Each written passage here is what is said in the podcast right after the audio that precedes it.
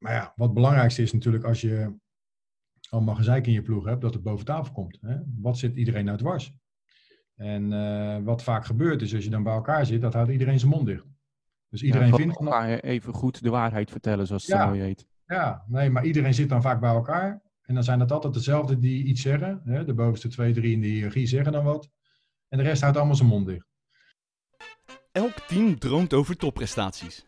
En als coach ondersteun je dit zo goed als je kan. Maar wat is er voor nodig om jouw team naar de top te begeleiden en te blijven groeien? Vandaag spreken we Robin van Galen, oud-Olympisch waterpolo-bondscoach en huidig directeur van de KNZB. Hij schreef een boek over coaching en komt ons vandaag meer vertellen over zijn methodiek en coachingvisie. Welkom bij de Coach Knowledge Podcast. Zeg Robin, van harte welkom bij ons in de podcast. Heel fijn dat je tijd hebt gevonden om uh, bij ons te gast te zijn. Heel graag gedaan. Goedemorgen. Uh, de openingsvraag die wij altijd hebben in deze podcast is uh, wel interessant om dat een keer van een topcoach te weten. wat is eigenlijk nou coaching voor jou? Ja, er, zijn natuurlijk duizenden boeken over geschreven en je kan er heel veel verschillende definities op loslaten. maar voor mij uh, betekent coaching toch ja, mensen beïnvloeden, spelers beïnvloeden. En misschien voor mensen die in het bedrijfsleven zitten, werknemers beïnvloeden. Maar voor mij laten we het even bij sport houden. Sporters beïnvloeden om het maximale uit hun potentieel te halen. Dat is een beetje wat voor mij coach is. En dat is een definitie die je daarna kan uitdiepen. Van uh, wat betekent dat? Hoe doe je dat? Dat kan ook per, per speler anders zijn. Hè? Want alle spelers, zoals je weet, mensen zitten anders in elkaar. Dus je, ja, je zal toch uh, verschillende eh, manieren moeten vinden om het maximum uit mensen te halen. Maar eh, wat coaching voor mij is, en dat heb ik eigenlijk al de laatste 30 jaar, 31 jaar gedaan, zolang ik coach ben.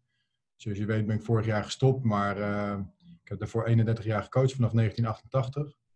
Ik heb altijd geprobeerd uit mijn teams, maar uit met name de individuen binnen die teams, het maximale uit hun potentieel te halen. En dat op een positieve manier te beïnvloeden. En meestal ging dat goed. Ook wel eens een paar keer niet, maar meestal ging dat goed. Nou ja, het kan niet altijd goed gaan natuurlijk. Nee, ja. Dat is het mooie van het uh, coachen. Soms zijn, uh, is de klik er niet met spelers. Of, of soms zijn er ja, randverschijnselen waardoor iets uh, bemoeilijkt wordt. Maar over het algemeen, en Kijk, uh, als ik naar mijn carrière kijk, mag ik uh, terugkijken op. Uh, en het lijkt nou alsof ik gepensioneerd ben. Ook misschien ga ik nog wel een keer coachen. Ik ben natuurlijk pas 48, maar ik ben door een blessure jong begonnen. Ik raakte geblesseerd toen ik 16, 17 was. En toen ben ik eigenlijk begonnen met coachen. Ik merkte eigenlijk dat ik als coach veel meer potentie had om als, dan als speler om de top te halen. Ja, dan, dan eigenlijk als ik terugkijk, denk ik van ja, weet je, het is wel goed gelukt. Ik ben wel heel tevreden. Niet alleen over de Olympische titel met de vrouwen, wat iedereen weet, maar eh, ook over heel veel andere processen. Ik ben met vier verschillende, uh, tien nationale prijzen gewonnen met vier verschillende topteams. En ja, dat, dat betekent dus dat, dat je wat je doet over het algemeen goed werkt en goed aanslaat. Niet bij één team of zo waar je toevallig een beetje uh, een klik mee hebt of marge mee hebt. Maar als je dat met, in mijn geval dan met vijf, zes, zeven verschillende teams succesvol kan afronden. Ja, dan kijk ik daar heel tevreden en met een glimlach op terug. Ja, dat begrijpelijk. Dan is er in ieder geval uh, sprake van een zekere succesformule natuurlijk. Wat ik ook wel interessant vond eigenlijk op je website te lezen is dat je, en ik ben het daar ook wel mee eens, maar ik wil het ook graag een keer voor jou horen hoe jij daarover denkt, is dat jij het zijn van trainer en het zijn van coach als twee aparte disciplines ziet. Ja. Ligt dat eens toe? Ja. Nou ja, ik, ik heb zo'n uh, zo'n scheurkalender uh, heb ik naast mijn koffiezetapparaat liggen. En elke ochtend als ik dan opsta en ik neem een kopje koffie, dan scheur ik zo'n dingetje eraf. En een paar weken geleden uh, was een quote van Aad Mos. En ik moet zeggen dat uh, daar hij volgens mij daar wel gelijk in heeft. Trainers worden gemaakt, coaches worden geboren. En um, daarmee slaat hij eigenlijk de spijker op zijn kop, vind ik. Want um, ja, je ziet natuurlijk, en die heb ik ook meegemaakt als speler, maar die zie ik als collega's om me heen natuurlijk ook. Goede trainers, die heel veel verschillende oefenstoffen hebben, die heel uh, gevarieerd trainen, die spelers echt beter maken, maar die uiteindelijk als coach dan toch uh, niet zo heel goed functioneren of dan niet spelers kan inspireren of de juiste beslissingen kunnen maken op de juiste momenten. Dus het zijn eigenlijk twee verschillende vakken. En Atemos met die quote zegt eigenlijk van hè, training geven kan je leren door het veel te doen en, en verschillende uh, dingen op te snuiven bij collega's en, en verschillende dingen te combineren kan je denk ik ook best een goede trainer worden Ook al ben je dat misschien niet, maar kan je daarin ontwikkelen. Maar dat coachen moet toch een beetje in je DNA zitten. Dat coachen, dat mensen raken, dat mensen beïnvloeden, dat mensen eh, naar een hoger niveau brengen en mensen laten samenwerken. Dat coachen, dat moet wel een beetje in je DNA zitten. De, coaches worden geboren, zegt hij, en dan denk je, ja, dat, dat is ook zo. En dat staat ook op mijn website, hè, dat training geven en coachen twee aparte vakken zijn. Dat denk ik ook, hè, want met training geven, ja, dan ben je echt spelers aan het beter maken, meer met een lange termijnvisie. Ehm, ja, een jeugdspeler of ook een seniorspeler uh, probeer je uh, maximaal uit, zijn potentie te halen of uit haar potentie te halen, want het kunnen natuurlijk ook vrouwen zijn. En met coachen ben je op de korte termijn bezig, vaak, hè, niet altijd, maar meestal wel, omdat je gewoon de wedstrijd zaterdag wil winnen. Hè, dus dan uh, denk je na over je tactiek. Hoe gaan we zaterdag die wedstrijd winnen van FC Den Haag of weet ik van welke voetbalclub of waterpoloclub of wat dan ook. Welke tactiek heb ik daarvoor nodig? welke wissels moet ik toepassen? welke time-outs ga ik toepassen? Uh, goed observeren, analyseren tijdens de wedstrijd en ingrijpen wanneer het moet. Dus dan ben je heel erg op korte termijn bezig. En dat is echt coachen in het hier en nu om die drie punten, of twee punten, of welke sport het dan ook is, om die wedstrijd te winnen. En met training geven ben je met iemands langetermijn potentieel bezig. Zo zie ik dat eigenlijk een beetje. Daarom zeg ik, zijn er twee verschillende dingen. Ja, nou ja, heel mooi dat je het zo duidt. Ik ben het ook wel mee eens dat het twee hele aparte dingen zijn. Nou ja, je hebt... en ik, weet je, ik heb ook in het verleden wel meegemaakt dat ik hele goede trainers had, maar slechte coaches. En ik had ook hele goede coaches die dan niet zo goed training konden geven, weet je. Dus je, soms heb je ook wel eens mensen die het ene vak wel beheersen en het andere gedeelte wat minder, of andersom. En uh, er zijn er maar weinig die het allebei heel goed kunnen. Als ik naar mezelf kijk, denk ik van dat mijn grootste kwaliteit is het coachen, mensen beïnvloeden, en echt van een groep mensen een team bouwen. En natuurlijk kan ik ook wat training geven. Ik zal niet zeggen dat dat onvoldoende is. Dat heb ik ook wel mezelf aangeleerd. Maar dat zit iets minder in mijn DNA, zeg maar, dan het, dat, het vak coachen. Dat, dat met mensgericht, gedraggericht, uh, dat zit veel meer in mijn DNA. Dus ik ben meer een coach dan een trainer. Zo moet je, zo moet je meer naar mij kijken. Ja, heel interessant antwoord. Nou, ook wat je op je website kan lezen inderdaad. Uh, is misschien voor de luisteraars ook wel leuk om een keer te doen is dat je zo'n uh, ja, soort coach karaktertest hebt. Ja. Waarbij je vragen kan beantwoorden. Het zijn uh, vijf vragen per punt waaruit blijkt wat voor ja, letter je in dit geval dan bent. En daaruit komt dan een soort van uh, ja, coachprofiel. Ja, er komt een action type uit van vier letters en uh, per letter vijf vragen. Dus je hebt een testje van twintig vragen. Dat is gebaseerd op action type MBTI van Peter Murphy, oud volleybalcoach. Zeer interessante materie. Uh, niet zozeer om mensen in een hokje te stoppen van jij bent groen en jij bent rood en jij bent blauw en je met uh, dat en dat. maar het is meer om profielen te hebben. Als je de test invult, kunnen er 16 verschillende profielen ontstaan. Dus je hebt 16 verschillende mogelijkheden waar spelers invallen. Ja, en dan krijg je zeg maar toch wat meer handvatten uh, hoe je zo'n speler het beste kan coachen, het beste kan benaderen, uh, hoe een speler in elkaar zit, waar zo'n speler energie vandaan haalt, waar die goed in is. Maar ook uh, de valkuilen waar die niet zo goed in is en hoe je een speler beter niet kan benaderen. dus het geeft je veel meer inzicht in het coachen en het heeft mij in ieder geval veel effectiever gemaakt om, om spelers te begeleiden. En natuurlijk maak je er nog wel eens een keer fouten mee of uh, vergis je wel eens een keer, maar over het algemeen uh, leert het je al heel veel. Het leuke is ook, als je het bespreekt met al je spelers, dat er ook uh, bij de spelers op een gegeven moment het kwartje gaat vallen. A, een stukje zelfkennis, uh, hoe ze zelf in elkaar zitten en wat hun eigen sterke kwaliteiten zijn, want dat is natuurlijk goed om te weten en ook zwakke punten. Uh, maar ook vooral van elkaar. Hè? Dus dan ontstaat er ook een bepaalde groepsdynamiek. Als je van elkaar weet waar je collega goed en slecht in is. En hoe je elkaar kan helpen, hoe je elkaar kan aanvullen. Dus um, dan krijg je veel meer betrokkenheid in je team. Veel meer begrip in je team. Begrip voor elkaars kwaliteiten. En begrip waar bepaald gedrag wat jij vertoont, waar dat vandaan komt. Ja, begrip is natuurlijk wel een belangrijk kenmerk als je mensen wil laten samenwerken met elkaar. Volledig mee eens als training. Ik denk dat we oh, oh, zo'n punt als de net straks iets verder gaan uitdiepen. Want ja, wat je ook inderdaad uh, vaker benoemt, is dat zelfreflectie. Uh, nou ja, zoals jij ook wel eens benoemt, uh, dat mensen niet altijd goed omgaan met kritiek. Of dat minder goed interpreteren. Misschien laat, handig om dat later nog eens even verder uit te diepen. voor het hoofdthema van vandaag, hoe ga je als trainer, coach een team optimaal laten presteren? Nou ja, daar heb je laatst een webinar over gegeven voor de KNZB.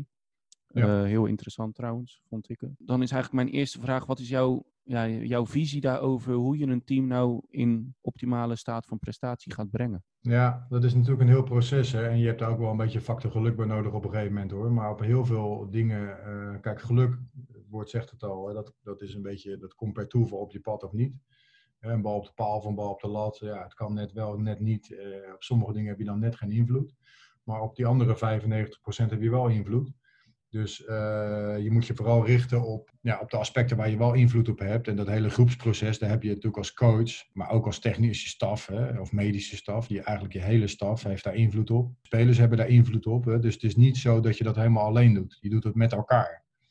En iedereen moet er ook wel van doordrongen zijn dat dat belangrijk is. Hè. Om je een voorbeeld te geven. En met de Waterpolen Vrouwen hebben we drie jaar lang samengewerkt op weg naar Olympisch goud. Maar de eerste anderhalf jaar was eigenlijk niet succesvol en de laatste anderhalf jaar wel. Ja, hoe komt dat nou? De eerste anderhalf jaar was ik als coach zoekende naar de juiste samenstelling, naar de juiste dynamiek in de groep. Maar de spelers waren ook zoekende en die voelden nog niet de verantwoordelijkheid. Eh, ze keken veel te veel naar mij. En ze uh, uh, eigen verantwoordelijkheid, vond ik in ieder geval, uh, later natuurlijk ook veel over gehad met ze, werd niet echt opgepakt. Eh, daarmee wil ik zeggen dat al kan de coach op zijn kop gaan staan, weet je, als, als de spelersgroep en de staf zijn verantwoordelijkheid niet pakt en ze kijken alleen maar naar jou, omdat je misschien als coach te dominant aanwezig bent, dan kan het ook niet, dan werkt het vaak ook niet goed, weet je. Dus het is een mix zoeken van al die facetten. Waar ik er net mee begon is wel een belangrijk, belangrijk uitgangspunt. Hè. Ja, welke spelers heb je nou tot je beschikking? En waar zijn die spelers goed in? Welke kwaliteiten nemen die spelers mee? En dan heb je als het goed is een tactiek uh, bedacht die past bij de spelersgroep. Want uh, je kan niet, als je coach bent van Ajax, hetzelfde spelen als je coach bent van Feyenoord of een coach bent van Excelsior. Dan, dan heb je andere spelers tot je beschikking. En dan moet je eigenlijk een speelwijze spelen die het beste past bij die spelersgroep. Dus je moet heel goed inschatten van, oké, welke spelersgroep heb ik? Welke kwaliteiten heb ik? En hoe kan ik die kwaliteiten 10, 20 procent beïnvloeden naar een hoger niveau? Dat is je taak als trainer-coach. En dan ook nog, als je dat een goed beeld van hebt, van oké, dan maak je een plan voor jezelf. Uh, hoe je die spelers individueel beter gaat maken. En je hebt ook een aantal groepstrainingen per week. Hoe kan je die individuele kwaliteiten in zo'n groepstactiek uh, het beste laten samenwerken? Dus ik had bijvoorbeeld tien trainingen per week met de waterpolo vrouwen. Daarvan deed ik er vier, vijf individueel, maatwerk. De een moest veel sneller gaan zwemmen. De ander moest uh, veel harder gaan schieten. De volgende moest uh, veel tactische bewustwording krijgen in het water. Dus die was veel meer tactisch bezig. De volgende, nou, veel zelf meer in. Uh, die moest op mentaal vlak weer stappen gaan zetten. Dus er waren best wel heel veel individuele trainingen binnen zo'n groepsproces.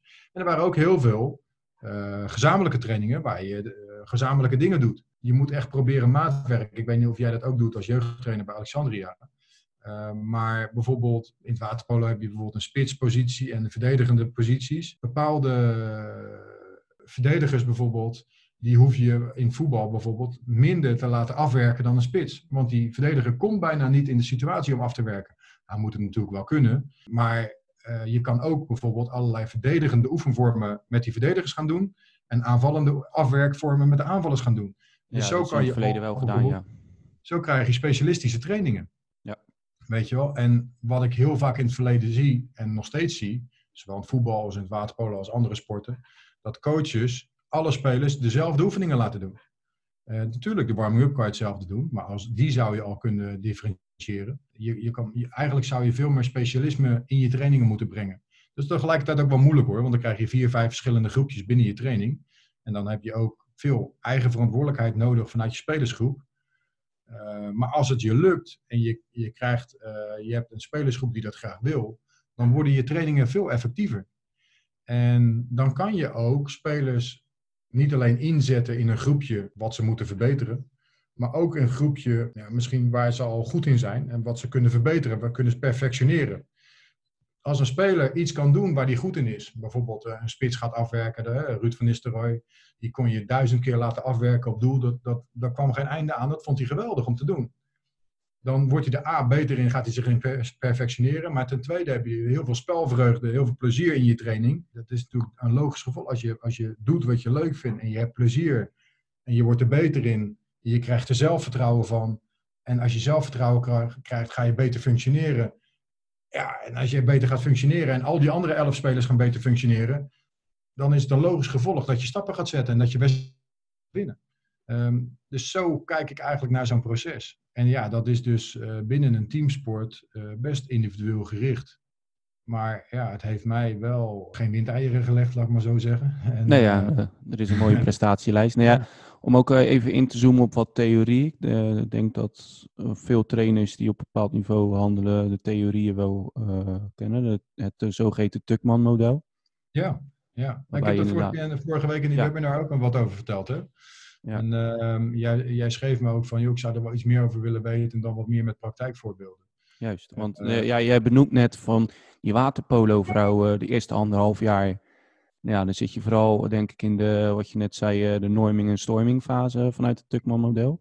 Ja, je hebt vijf fases je nou? model, hè? Ja. Dus ik, ik, zal ze nog even kort toelichten als je het goed vindt. Ja, tuurlijk, graag. Uh, forming, fase 1. Mm -hmm. Storming, fase 2. Norming, fase 3 de performing, dus de prestatiefase, fase 4. En de adjourning, de afscheidsfase, fase 5. Nou, eerste fase, vormingsfase, is de voorbereidende fase. Dus je gaat nadenken, wat is je plan, wat is je tactiek? Uh, welke mensen heb ik nodig? Welke spelers ga ik selecteren? Of welke spelers krijg ik tot mijn beschikking? Welke staf ga ik om me heen verzamelen? Een hele belangrijke. Hè? Goede mensen om je heen verzamelen die je helpen. Welke doelstellingen bepaal je met elkaar? Waar werk je naartoe? Hoe ziet je plan eruit? Met welke budgetten werk ik? Eh, nou ja, dat soort zaken allemaal. Dan ga je aan de slag. En ja, het zal niet vanaf dag 1, vanaf training 1, vanaf week 1 gelijk soepel lopen. Weet je? Ja, je wint niet gelijk de hele competitie. Je bent niet gelijk uitermate succesvol in de eerste week. Dus dat heeft tijd nodig. Dus je moet eerst door een bepaalde stormingsfase heen. De stormingsfase geeft het al aan. Hè? Het is uh, een beetje grillig uh, verlopen, wisselvallige resultaten. Het is een beetje een machtsstrijd. Hè? Dus de, eh, de hiërarchie in de kleedkamer is nog niet helemaal bepaald. De hiërarchie op het veld is ook nog niet helemaal bepaald. Iedereen is nog een beetje zoekende naar zijn plekje. Uh, soms zet je een speler op de verkeerde plek neer. Uh, moet je erbij laten corrigeren. Nou, dat soort aspecten heb je een beetje in de stormingsfase. Um, nou, vaak escaleert het dan, omdat het dan ja, te lang in de stormingsfase, hè, zeker op het allerhoogste niveau, dan, gaat, komt er ook druk en stress op te staan. Hè, want je wil graag winnen, maar het lukt niet ja, dan krijg je heel veel druk van buitenaf, of van de media, of, nou ja, vanuit je achterban, de vijfde kolon, of wie dan ook. Of je legt die druk bij jezelf neer, want je bent zelf zo prestatiegericht dat, en je bouwt ervan dat het niet lukt. En dan heb je eigenlijk die derde fase, die normingsfase, nodig om in die prestatiefase te komen. Dus in die normingsfase, zal daar wel iets over vertellen met een voorbeeld. Daar probeer je eigenlijk ja, uh, dat negatieve gedrag van je mensen, die negatieve resultaten dusdanig te beïnvloeden dat je doorgaat naar die vierde fase. Die vierde fase is de prestatiefase. De prestatiefase, daar loopt het lekker, je presteert goed, je, je wint veel. Uh, nou, je wint misschien goud, zilver of brons, maar je presteert, je haalt je doelstellingen. Uh, je voelt dat er een bepaalde energie in de groep zit. Je voelt dat iedereen op zijn plek zit. Je voelt dat alles geaccepteerd wordt. Uh, de beslissingen die je neemt pakken goed uit. Weet je, dat, dat voel je in die vierde fase. En in die vijfde fase, de adjourning fase, is de overgangsfase naar het volgende seizoen of naar de volgende Olympische cyclus. Heb je een soort rustperiode van een paar maanden en dan ga je weer opnieuw beginnen. Nou, als je dat model van Tuckman, uh, dat is een uh, teamontwikkelaar uit Amerika, als je die vijf fases bijvoorbeeld projecteert op de waterpolo dames of de waterpolo heren of op Excelsior of op Feyenoord, uh, dan zie je heel veel overeenkomsten. Waterpolo dames, nou, vormingsfase, je maakt je plan, hoe wil je naar de Olympische Spelen, Welke mensen heb ik nodig? Ik selecteer mijn technische staf, mijn medische staf, de spelers die ik ga selecteren als bondscoach. Hoeveel budgetten, hoeveel sponsors hebben we? Welke toernooien kunnen we spelen? Uh, welke wedstrijden, hoeveel geld enzovoort. Nou, dan maak je keuzes in. Nou, dan heb je een stormingsfase. Het loopt niet lekker. Ik zei net al, de eerste anderhalf jaar was zoekende. Uh, er was een wat oudere generatie spelers en een nieuwe opkomende generatie spelers. Als ik terugkijk naar die ploeg, ja, die opkomende talenten, ja, die werden steeds beter. En die ouderen die werden of bleven hetzelfde of die werden zelfs wat minder. Dus er was een strijd om de macht gaande, zeg maar. Ja, dat doet wat in de kleedkamer, dat doet wat buiten het water om. Dat, uh, Niet iedereen accepteerde dat zonde zomaar. Hè. Die ouderen willen hun plek niet afgeven. Nou, de jongeren willen juist uh, stijgen in de hiërarchie. Dus het was nog niet lekker, het liep nog niet allemaal lekker soepel. Nou, toen kwamen we terug van een WK, een wereldkampioenschap in Australië. Uh, was anderhalf jaar voor de Spelen. Dat was een beetje het kantelpunt. We presteerden daar heel slecht. We werden daar negende op het wereldkampioenschap. En er was van alles aan de hand. heel veel ellende en irritaties onderling. En ja, ik had echt het gevoel van, nu moet ik ingrijpen. Nu moet ik wat doen om het te keren dat kwam gewoon echt puur door uit de signalen vanuit de, ja. vanuit de groep die jij allemaal opving.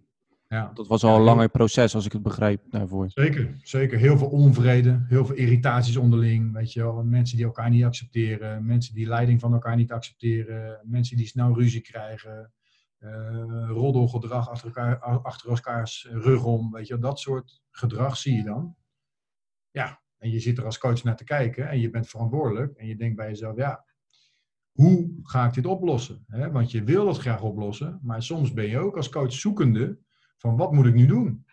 Ja, want heb je in dat voortraject, zeg maar, toen dat gaande was, ook al pogingen ondernomen om via ja, snelle kleine beïnvloedingen dat aan te passen? Of is het echt dat je op een gegeven moment dat besefmoment had van, ja, dit gaat niet goed jongens, ik moet nou echt serieus gaan ingrijpen?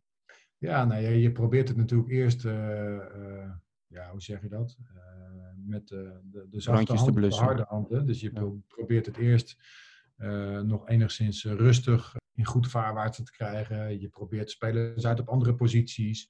Je hebt gesprekken met spelers. Je hebt groepsgesprekken. Je probeert iedereen dezelfde kant op te krijgen. Maar ja, dat eerste jaar, anderhalf jaar, lukte dat niet echt. En er bleven maar irritaties en de prestaties bleven slecht. Af en toe wonnen we wel eens een wedstrijd, maar we verloren meer dan dat we wonnen. Dus ja, ik voelde natuurlijk ook, ook gevoeld door de resultaten, dat we niet op de goede weg zaten. Hè, onze ambitie was om te kwalificeren voor de Olympische Spelen en daar een medaille te winnen. Goud, zilver of brons, dat was ons doel. Maar ja, als je dan negende op een WK wordt, ben je ver weg. Dus zeker, na dat WK, toen barstte een beetje de bom eigenlijk daar in Australië. Zaten we een maand op elkaars lip. Hè? En als je een maand op elkaars lip zit, dan escaleren, als het dan niet goed zit, dan escaleert het ook. Ja. Dus ja, eh, weet je, veel groepjes, vorming. Hè. De ploeg was uiteengevallen in drie, vier groepjes van drie, vier dames. Ruzies om de kleinste dingen. Elkaar een beetje negeren in het hotel. Weet je wel. Ja, dat soort gedrag zie je dan. Totaal geen teamvorming. Nee, oké. dus dat is eigenlijk meer dan helder uh, die stormingfase. Ja, storming, uh, ja. En toen dacht ik bij mezelf, ja, nu moet het ook maar kwaadschiks. Hè? Oh ja, dat was wat ik aan het zoeken was. Goedschiks of kwaadschiks. Mm Ja, dan moet het maar kwaadschiks. Dus ja, toen ben ik naar huis Wat heb je toen precies gedaan? Nou ja, eerst met mijn mental coach gaan praten. En uh, gezegd van, joh, wat er allemaal aan de hand was. En uh, dat ik nu toch wel echt de knuppel in het hoenderhok wilde gooien. Dat ik echt wel iets teweeg wilde gaan brengen met rigoureuze beslissingen. Want anders, was ik ook bang, zou het nooit goed komen. En dan zou het ook mijn eigen plek kosten als coach. Hè? Want dat, die druk voel je dan ook wel van, ja, als, als je het niet op de rit krijgt, dan word je als coach ook ontslagen. Ook in het waterpolo, net als in het voetbal. Dus ja, ik had ook zoiets van, uh, ja, nu moet er echt wat gebeuren. En nu naar die teleurstellende WK, nu is ook wel het moment om knopen door te hakken, om van oudere spelers afscheid te nemen en jongere spelers door te laten groeien. want daar had ik wel vertrouwen in. Er zat echt een generatie aan te komen van dames van 2021 die echt heel goed konden worden, in mijn ogen. En later is het ook zo gebleken dat ze inderdaad echt heel goed werden. Nou ja, toen hebben we een normingsfase ingericht eigenlijk. En dat is, moet je zien, als we hebben vier weken amper getraind. Een klein beetje onderhoud, een klein beetje conditioneel. Maar we hebben eigenlijk vier weken de tijd genomen uh, als, als derde fase, normingsfase, om ja, eigenlijk te evalueren. Persoonlijke gesprekken, uh, collectieve groepsgesprekken, uh, wat oefeningen om, om, om ja, de sfeer te verbeteren van die teambuilding sessies, weet je wel. Ja, en dan in het begin, daar ben ik dan heel erg benieuwd naar. Want in het begin nou ja, leven misschien Tenminste, misschien kan je weglaten, denk ik. Daar leven heel veel irritaties binnen de speelsters. Ja, je moet toch dat individuele gesprek, daar kan je misschien dan nog wel heel veel uithalen. Maar dan is dat eerste groepsgesprek daar. Hoe heb je dat ingericht? Hoe heb je dat begeleid eigenlijk? Ja, ik heb dat samen met mijn mentor coach gedaan hoor. En ook met de rest van de staf. Die had daar natuurlijk ook een rol in. Hè? Dus je moet heel goed afstemmen met elkaar van wie doet wat en wie zegt er wat op welk moment. En... Maar ja, wat het belangrijkste is natuurlijk als je allemaal gezeik in je ploeg hebt, dat het boven tafel komt. Hè? Wat zit iedereen nou dwars? En wat vaak gebeurt is, als je dan bij elkaar zit, dat houdt iedereen zijn mond dicht. Dus iedereen vindt... elkaar even goed de waarheid vertellen, zoals het ja. zo mooi heet. Ja, nee, maar iedereen zit dan vaak bij elkaar. En dan zijn het altijd dezelfde die iets zeggen. Hè? De bovenste twee, drie in de hiërarchie zeggen dan wat. En de rest houdt allemaal zijn mond dicht. Ja, en daar heb je natuurlijk ook wel oefeningen voor om, uh, zeg maar, uh, en ook wel, dat, dat, vraagt ook wel voor jou als coach een bepaalde skills, een bepaalde kwaliteiten om discussies te leiden. En dat is wel een van mijn kwaliteiten, denk ik. Ik ben communicatief vaardig. Ik heb altijd voor de klas gestaan als leraar economie. Dus ik ben gewend veel te spreken, veel te praten, veel met leerlingen om te gaan. Dus vanuit mijn hele carrière als coach, maar ook als leraar economie, ben ik altijd gewend om veel voor groepen te staan. Dus dat soort discussies, moeilijke momenten, moeilijke, moeilijke gesprekken met spelers, collectieve gesprekken, die kon ik wel goed leiden. Je hebt soms ook coaches die heel introvert zijn en heel moeilijk vinden om voor een groep uh, leiding te geven, maar daar heb ik gelukkig geen last van. Dus ja, ik leidde die discussies en ik probeerde ook wel echt de mindere goden in groepsgesprekken te laten zeggen wat zij voelen, wat zij vinden. En dat het ook belangrijk is voor het accepteren onder elkaar dat iedereen uh, zijn zegje doet en dat alle irritaties boven tafel komen. Ben jij ook geïnteresseerd in de methodes van Robin van Galen? Lees dan zijn boek Dilemma's van een topcoach. En laat je inspireren door zijn specifieke ervaringen en die van 20 andere Nederlandse topcoaches. Kijk op robinvangalen.nl of volg de link via onze website of Instagram. Nu weer verder met de Coach Knowledge Podcast. Ja, en dat doe je dan dat bijvoorbeeld ook door de zogeheten mindere goden ook uh, publiekelijk wat meer steun te geven, zodat ze het gevoel hebben dat ze ook op een podium kunnen stappen om hun mening te delen. Zeker, zeker. Want dat heeft denk ik toch ook met angst en onzekerheid te maken bij je. Zeker, maar kijk, eerst bereid je dat voor natuurlijk in individuele gesprekken. Uh, en in groepsgesprekken ga je dan op een gegeven moment doorvragen bij die betreffende spelers. Hè? Dus voordat de aanvoerder of uh, vice-aanvoerder weer het woord neemt, ga je gewoon met toenaam zeggen: Hé hey Ingrid, wat vind jij ervan? Of Hé hey Marjan, wat vind jij ervan? En wat is jouw mening? Ja, dan moet je ook als speler nummer 16 in de rij antwoord geven. En dan moet je als coach ook niemand ertussen te laten komen, maar dan moet je even doorvragen waar die irritatie zit. Kijk, en dan uh, komen die irritaties naar boven in groepsgesprekken, maar natuurlijk ook wel in individuele gesprekken. Je hebt evaluaties die ze in mogen vullen, schriftelijk. Dus er komt er heel veel informatie op een gegeven moment naar je toe. Ja, en dan is het kwestie van goed interpreteren en de juiste beslissingen nemen. En uh, ik heb toen twee ervaren spelers uh, heb afscheid van genomen. Die, waren best goede, niet de allerbeste, maar waren best goede spelers. Maar die onbewust hielden die zeg maar, de jongere generatie een beetje tegen. Ik denk nog eens dat ze het bewust deden. Maar onbewust temperden die, zeg maar, konden die jongere spelers niet in het water, maar ook buiten het water zichzelf zijn.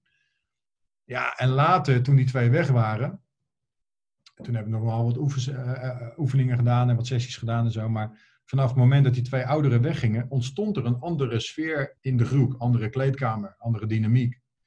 Uh, je geeft, ik had iemand anders aanvoerder gemaakt. Uh, ik had de jongere spelers meer verantwoordelijkheid gegeven. Eerlijk zeggen, alle spelers hebben ook wel meer verantwoordelijkheid gekregen ook. Want, en dat, dat heb ik zo ook voorgehouden.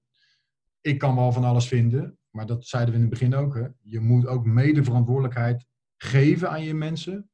En die mede verantwoordelijkheid moeten ze ook nemen dus ze kunnen niet achterover zitten en denken van nou, de trainer zegt wel wat ik moet doen en dan doe ik dat en dan is het klaar. Nee, zo werkt het. Het prachtige dus- Engelse term uh, ownership hebben. Ja, ownership. Ja. En, en als, je daar, als je daar niks mee doet, ja, dan is het ook gedoemd te mislukken. Dus je, je, hebt, je bent ook afhankelijk van wat die spelers dan doen in het veld, maar ook buiten het veld uh, met de dingen die je afspreekt.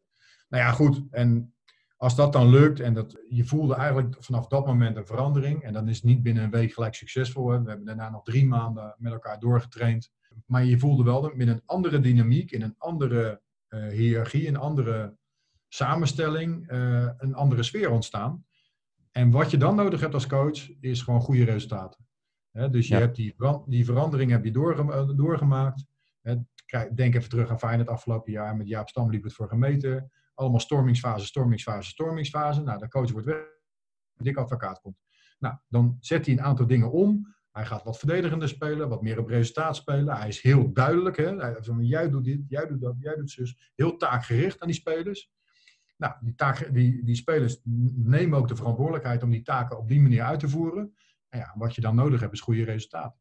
Ja, en als dat dan valt, zoals wat Dick Advocaat, maar ook bij ons toen de tijd in dat proces met die waterpolendames, als dat dan valt, ehm, ja, dan voel je met de overwinning de, het zelfvertrouwen toenemen. En ja, dat, dat zei ik net al, als, als je zelfvertrouwen krijgt en je krijgt steeds meer zelfvertrouwen, ja, dan gaat zo'n team op een gegeven moment in een flow komen. En als je in de flow komt en er gebeuren geen gekke dingen met blessures of geen gekke dingen, ja, nu coronavirus, fijn dat ze zo nog maar negen wedstrijden kunnen winnen. En misschien wel voor de titel mee kunnen spelen. Want je voelde daar een flow ontstaan. Maar door die coronacrisis, ja, dan knalt het weer in elkaar. Uh, dat is gewoon heel erg spijtig eigenlijk. Uh, maar bij ons viel het wel in elkaar. En uh, nou, om een heel lang verhaal kort te maken, toen hebben we ons gekwalificeerd voor Olympische Spelen. Dat was echt een hoogtepunt. En een jaar ja, dat succes draagt natuurlijk denk ik ook wel bij dat iedereen zoiets hebt van, weet je, we hebben dit doorstaan. yes, we hebben het, ja. het begin van ons doel is bereikt, zeg maar. De eerste nee, zeker, zeker, grote maar, tree is genomen. Ja, ja, maar dan zien de spelers het effect van alle maatregelen en het effect van al die praatsessies en het effect van de keuzes die je hebt gemaakt. Ja, en dan, uh, ja, spelers willen ook maar één ding, dat is natuurlijk ook presteren. Dus ja, dan, dan, uh, dan, dan valt die puzzel in elkaar. Ja, en toen werden we daarna ook nog Olympisch kampioen. Dat was toen wel het hek van de dam, dus dat was geweldig. Ja, dan uh, lig je opeens in het water te zwemmen als coach. Ja, ja, ja. maar dan, dan zie je dus al die fases zo weer terug. Hè? Als, je, als je terugdenkt ja. aan het proces, maar je neemt het even heel actueel naar Feyenoord, dan zie je ook de, die fases. Dus die hele Tuckman-theorie met forming, storming, norming, performing, journeying, is een hele overzichtelijke theorie die overal toepasbaar is. Niet alleen in de sport, maar ook in het bedrijfsleven enzovoort. Ja, want de, dat uh, interesseert mij dan ook nog wel. Nou ja, ik denk dat we, hoe herken je welke fase hebben we wel behandeld, denk ik. Dat lijkt me wel duidelijk voor de luisteraar. Mhm. Uh, hoe zorg je dat je in de volgende fase komt? Is denk ik net een prachtig voorbeeld gegeven door jou. Dan is het ook nog ja, spelers die deze processen blokkeren. Je hebt net gezegd van ik heb eigenlijk twee oudere spelers die een proces blokkeren, uh, heb ik uit het team moeten plaatsen, omdat dat het beste was voor het team. Maar je mhm. hebt misschien ook nog wel uh, speelsters in dat team gehad waarvan je weet van ja, deze hebben wel talent, deze heb ik wel mijn groep nodig, maar die rommelen ook in de groep. Hoe, hoe ben je daarmee omgegaan? Ja, nou ja, je moet wel een afweging maken altijd. Hè? Want je hebt altijd, kijk, uh, neem nou uh, bij Feyenoord, uh, Steven Berghuis kan ook een ettetje zijn in het veld. maar het is tegelijkertijd ook je beste speler. En dat gebeurt ook vaker. Dat spelers die goed zijn, ook vaak lastig zijn voor een coach. ja, dat herken ik zeer zeker. um, maar goed, daar moet je er niet te veel van hebben. Kijk, je mag er best een paar van hebben. En je moet er ook een paar van hebben. Want het hoeven ook geen ideale schoonzonen allemaal te zijn. Maar als je er uh, tien van die gasten hebt, dan word je gek als coach. En dan worden die gasten ook gek van elkaar. Dus je moet een paar topspelers hebben die. Soms, ik heb ook topspelers gehad die helemaal niet lastig zijn hoor. Die gewoon heel, heel normaal gedrag vertoonden. Maar soms vertonen topspelers ook wel als irritant gedrag. Nou, dan kan je dat met twee of drie kan je dat wel handelen. En dan uh, je bouwt daar een band mee op en je praat met die spelers. En uh, ook als ze gedrag vertonen wat je niet wil, dan praat je natuurlijk met die spelers over. Weet je, kijk, dat zal Dick Advocaat ook doen. Als Steven Berghuis een overtreding maakt en een rode kaart pakt, dan zal hij hem daarop aanspreken. Maar goed, als hij uit zijn schorsing loopt, zal hij hem toch wel weer opstellen. Ja, zo werkt het ook wel, weet je wel. Dus, maar dan moet je niet met tien spelers hebben.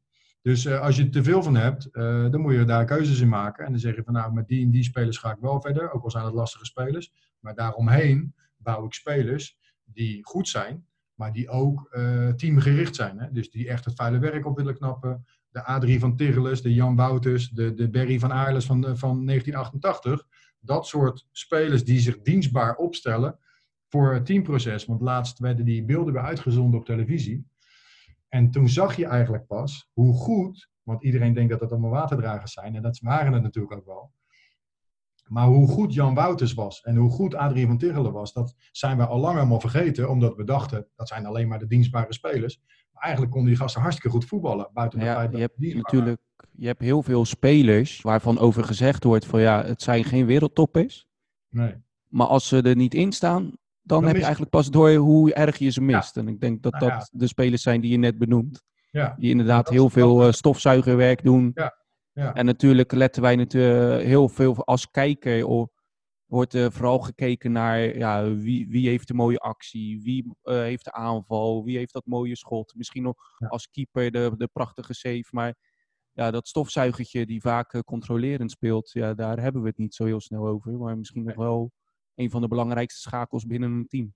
Zeker. Nou ja, dat, dat is wat ik bedoel. En ehm, uh, dus dus uh, wat je heel vaak ziet bij succesvolle teams is dat er twee, drie topspelers zijn en daaromheen goede voetballers, maar die zich dienstbaar opstellen en die uh, het vuile werk opknappen voor die toppers, zeg maar, min of meer. En alleen als je dat tot stand, die mix, zeg maar, tot stand weet te brengen, dan kunnen die toppers ook, zeg maar, het verschil maken in de, in de eindfase, in de wedstrijd of, of in een toernooi. Ja, dat zeg ik ook. Ja, wat, ja, Messi is misschien een ander verhaal, maar ik zeg altijd: wat is, was, wat is Messi zonder Xavi en wat is Xavi zonder Messi? Als ja, je, nee, en toch op voetbal. weet je wel. Dat, uh, en uh, Kobe Bryant en LeBron James kunnen natuurlijk ook niet gloreren zonder dat ze die bal niet krijgen of die teammaten niet uh, de juiste looplijnen lopen. Zeker. Dan kunnen, die ze, kunnen hun niet gloreren. Nee. nee, dat klopt. Dat is helemaal waar. En dus zo zijn er heel veel mooie voorbeelden te bedenken. Ja, en wat ook een belangrijk onderdeel is, zeg maar, in die hele Tuckman-theorie. En dan, ik heb daar vorig jaar ook iets over verteld. Maar dat was ja, daar wilde ik inderdaad nu naartoe, naar die rolacceptatie. Zo, ja, eh. precies. Dat was een van jouw vragen. Ja. En uh, ik heb daar heel veel ook over gesproken, ook met Raymond Sluiter. Die zit natuurlijk in tennis. Uh, die heeft ook heel veel met mentale training te maken en met focus en concentratie te maken. En dit volgende idee is daar van toepassing op. Zeg maar, als je als je eenmaal alle rollen uh, bekend zijn bij die spelers, hè, dus ze weten precies wat ze moeten doen, wat hun taak is, wat hun positie in het veld is, wat er van ze verwacht wordt, wat ze moeten doen aanvallend, wat ze moeten doen verdedigend. Dus alles is duidelijk en ze accepteren die rol ook en ze doen dat gedeelte van het team op 100%. Dan is de focus vaak optimaal, de concentratie is optimaal. Uh, dat, is, dat noemen we cirkel 1 gedrag. Dus als cirkel 1 gedrag je, je hebt in een plaatje zes cirkels. Ja, ik zal die afbeelding ook deel door, delen op mijn website, zodat mensen het ook visueel... Ja, dat is goed. Ja, op mijn website staat die ook. Ja, het, uh, gaat sowieso een link naar jouw website, kunnen ze het ook ja, lezen. Nee, dus prima, de informatie prima. is verkrijgbaar. Ja, prima. Maar die, die, die, die zes cirkels, daar gaat het even om dan. En die eerste cirkel is eigenlijk optimaal. Dus iedereen weet precies wat hij moest doen en, en ja, doet dat ook. En functioneert, daardoor functioneert dat team ook heel goed. Maar het gaat vaak fout als spelers gedrag vertonen wat past bij cirkel 2, 3, 4, 5 of 6. Dus als cirkel 2, dat is een beetje de, de cirkel van de afleidingen. Als voetballers zich laten afleiden door de scheidsrechter die een rare beslissing neemt, of door de VAR, of door de tegenstander, of door het publiek. Maar waterpolo's kunnen dat ook hoor. Die kunnen zich ook laten afleiden door scheidsrechters, de tegenstander, of door het water, of door de omstandigheden, of wat dan ook. Dan ben je minder goed gefocust op je taak en ga je minder goed presteren. Cirkel 3 uh, is de vergelijkingscirkel. Dus je gaat je vergelijken. En meestal is dan een negatieve vergelijking. Vorige week speelde ik nog zo goed. En moet je nu kijken, nu speel ik bagger. Dat ga je denken als je slecht speelt. En je gaat je vergelijken met een week daarvoor. En dan krijg je een beetje een negatieve uh, mindset, een negatieve vergelijking. Of je bent met cirkel 4 bezig, alleen maar resultaatgericht. Hè? Dus je, je denkt de hele tijd, we moeten winnen, we moeten dit, we moeten dat dat, geeft, dat zorgt, als je dat te veel denkt, gaat dat alleen maar negatief tegen je werken, want dat geeft voor bepaalde druk. Als jij in de kleedkamer staat en je zegt tegen je spelers voor de wedstrijd, kom op jongens, we moeten winnen. Ja, dat heeft geen enkele toegevoegde waarde, alleen maar een negatieve toegevoegde waarde. Want ze snappen zelf ook wel dat ze moeten winnen, want dat is de essentie van sport. Je gaat sporten omdat je wil winnen, niet omdat je lekker in de zon wil voetballen. Dus um, je hoeft dat niet te benoemen, weet je wel. Uh, je kan beter benoemen hoe je de kans vergroot om uiteindelijk die wedstrijd te gaan winnen. Dus dan ga je weer terug naar cirkel 1, taakgerichtheid. Wat is onze tactiek? Wat verwacht ik van jou? Wat verwacht ik van jou? Wat moet jij doen? Wat moet jij doen? Enzovoort. Dan ben je veel meer cirkel 1 gedrag bezig aan het coachen. Dan cirkel 4 gedrag van jongens, kom op, de beuk erin, we gaan winnen. Cirkel ja, 5 gedrag. uh, dat is ook in coaching langs de lijn kan je dat ook denk ik beïnvloeden. Want nou ja, je Zeker. kan echt 6000 anekdotes of uh, verhalen of clichés noemen, noemen van trainers die inderdaad, uh, nou ja, oud-trainer van mijn vriendin bijvoorbeeld ook, die riep 600 keer uh, per wedstrijd, kom op meiden, tandje erbij. Ja, ja, ja. Wat heb je? Ja, ja, allemaal van die loze kreten. Ik lachte me een stuk langs de lijn. Maar... Ja, weet je wat je dan krijgt? Dat die spelers op een gegeven moment net als jij gaan lachen. En dan word je ongeloofwaardig als coach. Weet je, dan, oh, daar heb je hem weer met standje erbij. Weet je wel? Ja. Dat werkt alleen maar irritatie op en het werkt alleen maar averechts. Dus je kan beter dan als coach, je ziet iets niet goed gaan. Dan kan je beter teruggaan naar een speler en zeggen van, hey, um, probeer nou wat meer in je taak te voetballen. Of wat meer, probeer wat meer in de bal te komen. Waardoor je, um, nou ja, een, een, technische aanwijzing of een tactische aanwijzing. Waardoor zo'n speler weer beter gaat functioneren. Dat heeft veel meer effect dan dat je gaat roepen, tandje erbij, weet je wel. Want dat slaat natuurlijk nergens op. Ik zie bij het voetbal ook allemaal in zo'n kringetje staan. Dan staan ze elkaar op te peppen. Maar ja, dan zeggen ze alleen maar, kom op, doe je best en de beuk erin. Ja, weet je, als je dat nodig hebt om te presteren, dat is ook wel echt, eigenlijk een beetje triest je kan weten met elkaar van, hé hey jongens, we hebben afspraken gemaakt. Uh, die afspraken gaan we nakomen met elkaar. Jij doet dit, jij doet dat, ik doe dit. En zo gaan we de tegenstander verslaan. Dat heeft veel meer effect dan dat je, weet je, dat spierballentaal gaat gebruiken. Ja, jou, jou, jou winnen doen we wel, zoiets. Ja, nee, dat soort dingen, weet je wel. En dat is met jonge kinderen natuurlijk nog anders dan met senioren. Want bij jonge kinderen vind ik, op zeker op, op de allerjongste leeftijd, moet winnen niet centraal staan. Maar moet, tuurlijk wil je winnen. Die gastjes willen ook winnen, als, al zijn ze 8, 9 of 10 jaar. Maar er moet eigenlijk ontwikkeling centraal staan. Hè? Dus uh, als iemand goed kan uh, passeren, ja, dan al, gaat, verliest hij vier keer de bal, dan moet hij die vijfde keer weer passeren. En ik vind op jonge leeftijd, als ze 8, 9 of 10 zijn, moeten ze nog niet op vaste positie spelen. Maar dan moeten ze eigenlijk een beetje roleren, waardoor ze eigenlijk alle facetten van het voetbalspel of waterpolospel leren, zeg maar. En dat ze nog niet gaan specialiseren op de spitspositie of de laatste man als ze 9 jaar zijn. Maar goed, dat is weer een ander zijstapje. We waren even bij die cirkels. Uh, cirkel 4 was dus resultaatgericht, dus alleen maar dat moeten. Cirkel 5, de consequenties van het resultaat. Dus als je in het veld denkt van, uh, oh jee, als deze penalty er niet in gaat, dan degraderen we. Maar als je dat denkt, dan schiet je hem waarschijnlijk mis. Weet je, dus je moet ook uh, de, de, de goede dingen denken, zeg maar, op het, in het veld op het juiste moment. En dat is ook trainbaar hoor. Dat komt een beetje uit die mentale training. Vandaar dat ik ook met Sluiten er ook veel over gehad heb. Um, maar goed, je ziet dus gedrag in het veld en dat is de kunst van het coachen. Je ziet gedrag in het veld en dat is ongewenst gedrag. Dus iemand loopt te schelden tegen de scheidsrechter. Nou, wat doe je dan? Weet je, ga je als coach ook meeschelden omdat je het onterechte penalty vindt of wat dan ook? Want ik zeg als coach ook van, eh, je, je krijgt wat je geeft. Hè? Dus als jij het verkeerde voorbeeldgedrag vertoont, dan gaan je spelers dat gedrag ook vertonen. Dus als jij gaat schelden tegen de scheidsrechter, gaan die spelers het ook doen. Dus uh, je moet eigenlijk het goede gedrag vertonen. En, en, en proberen dus iemand uit een negatieve focus te halen en terug te coachen naar cirkel 1. Dus als iemand de scheidsrechter uh, aanvalt, min of meer, roep hem dan bij je. Je kan zelf het veld niet inlopen, maar roep hem dan bij je. Probeer hem te kalmeren en probeer hem op te wijzen op wat je afgesproken hebt voor de wedstrijd. Dit is jouw taak als laatste man. Uh, probeer opbouwend dit te doen. Probeer in de dekking dat te doen. En geef hem een tactische aanwijzing waardoor hij kalmeert. En dan kan je iemand terugcoachen van cirkel 2 naar cirkel 1. Of van cirkel 4 naar cirkel 1. En dat is eigenlijk de kunst van het coachen. En als je al je spelers uh, optimaal gefocust in cirkel 1 krijgt, dan zit je dus in die prestatiefase, die, die, die fase dat, dat, dat lekker loopt met elkaar, mm -hmm. dat je wedstrijden wint. Ja, dan krijg je veel zelfvertrouwen van en daar wil iedereen zo lang mogelijk in blijven. Maar dat heeft dus te maken met die, die, die, die focuscirkels. Daarom is het wel handig om dat uh, even als voorbeeld erbij te geven. Nou, zeker, heel duidelijk. Nou ja, ik denk dat we weer heel veel informatie bij elkaar hebben. Dat er, uh, ik vind het in ieder geval vind ik het echt uh, rete interessant. En zou ik zo nog drie uur kunnen verlengen. Maar... Ja, nee, nou, misschien moeten we voor, als nou hier positief, positief op gereageerd wordt en er komen misschien vragen op, dan kunnen we nog een keer een podcast opnemen en dan behandelen we die vragen bijvoorbeeld of zo.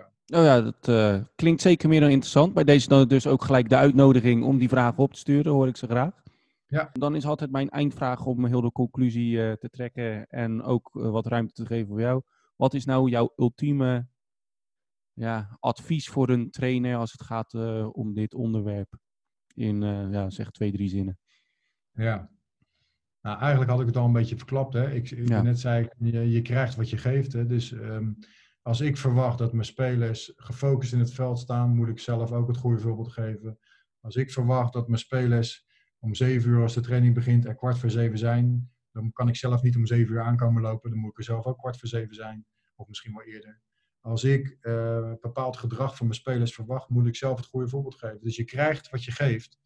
En dat uh, wil ik toch wel mensen meegeven. Wat dat betreft is net opvoeden van je kinderen.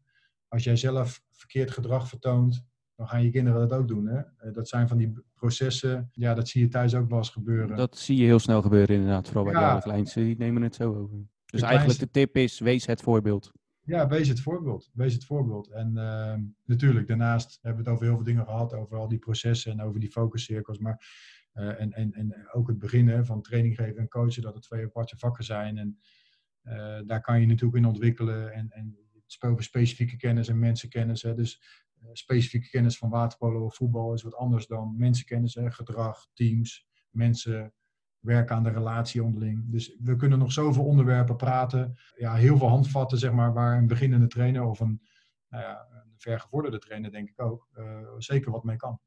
Uh, mee eens. Nou ja, dan de klassieke eindvraag voor elke aflevering. En ik ben heel benieuwd. Ik vraag altijd om mijn gasten om een tegelwijsheid te noemen. Dus als ik nou wat spelers ga interviewen en ik vraag aan hun welke uitspraak van Robbie van Galen is de eerste die bij jou naar boven komt? Nou, dan zeggen ze waarschijnlijk, je krijgt wat je geeft. Uh, en anders, wat zou je dan nog voor een uitspraak kunnen nemen? Uh, in principe zou, zou je hem al duizend keer moeten geroepen hebben de afgelopen jaren. Ja, weet je, dat is toch meer met, met doelstellingen. Van als mensen tegen mij zeggen van, weet je, het kan niet, dan kan het juist wel. Weet je, dus je moet, alles valt of staat met zelfvertrouwen. Weet je, dus werk vooral aan je zelfvertrouwen. En Um, dat kan je op zoveel verschillende manieren doen, maar ik heb wel gemerkt in de sport dat zelfvertrouwen essentieel is om uiteindelijk te presteren. Ja, dat past ook wel een beetje bij je krijgt wat je geeft, maar werk vooral aan het zelfvertrouwen van spelers, werk het aan het zelfvertrouwen van jezelf. Ja, als, je, als, het, als het dat lukt, weet je wel, dus dat heeft ook te maken met positieve coaching. Hè? Benoem je de slechte dingen of benoem je de goede dingen van een speler. Uh, tuurlijk moet het op sommige momenten allebei kunnen, uh, maar vooral focus je vooral op de kwaliteiten van de speler in plaats van te hameren en te drukken op de dingetjes die ze niet zo goed kunnen. Want daar krijgen ze juist zelfvertrouwen van. Als je benoemt wat ze goed kunnen en ze probeert uit te dagen om van een 8 een 10 te maken en te perfectioneren in een bepaalde actie. Nou, mooie woorden om mee af te sluiten, denk ik. Dan uh, wil ik jou onwijs bedanken. Heel graag gedaan. Dat je de tijd uh, hebt genomen. En ik hoop uh, dat inderdaad heel veel mooie reacties gaan komen met heel veel mooie vragen. Waarbij we misschien in de toekomst die vragen eens door kunnen gaan nemen. Om nog dieper het uh, prachtige vak van trainer-coach in te duiken. Oké, okay. gaan we doen. Veel succes. Dankjewel. Bedankt voor het luisteren naar de Coach Knowledge Podcast. Wil jij meer te weten komen over coaching? Of zit je zelf met een vraag? Laat het ons weten. Ga naar onze website of Instagram en vergeet ons niet te volgen. Tot de volgende keer bij de Coach Knowledge Podcast.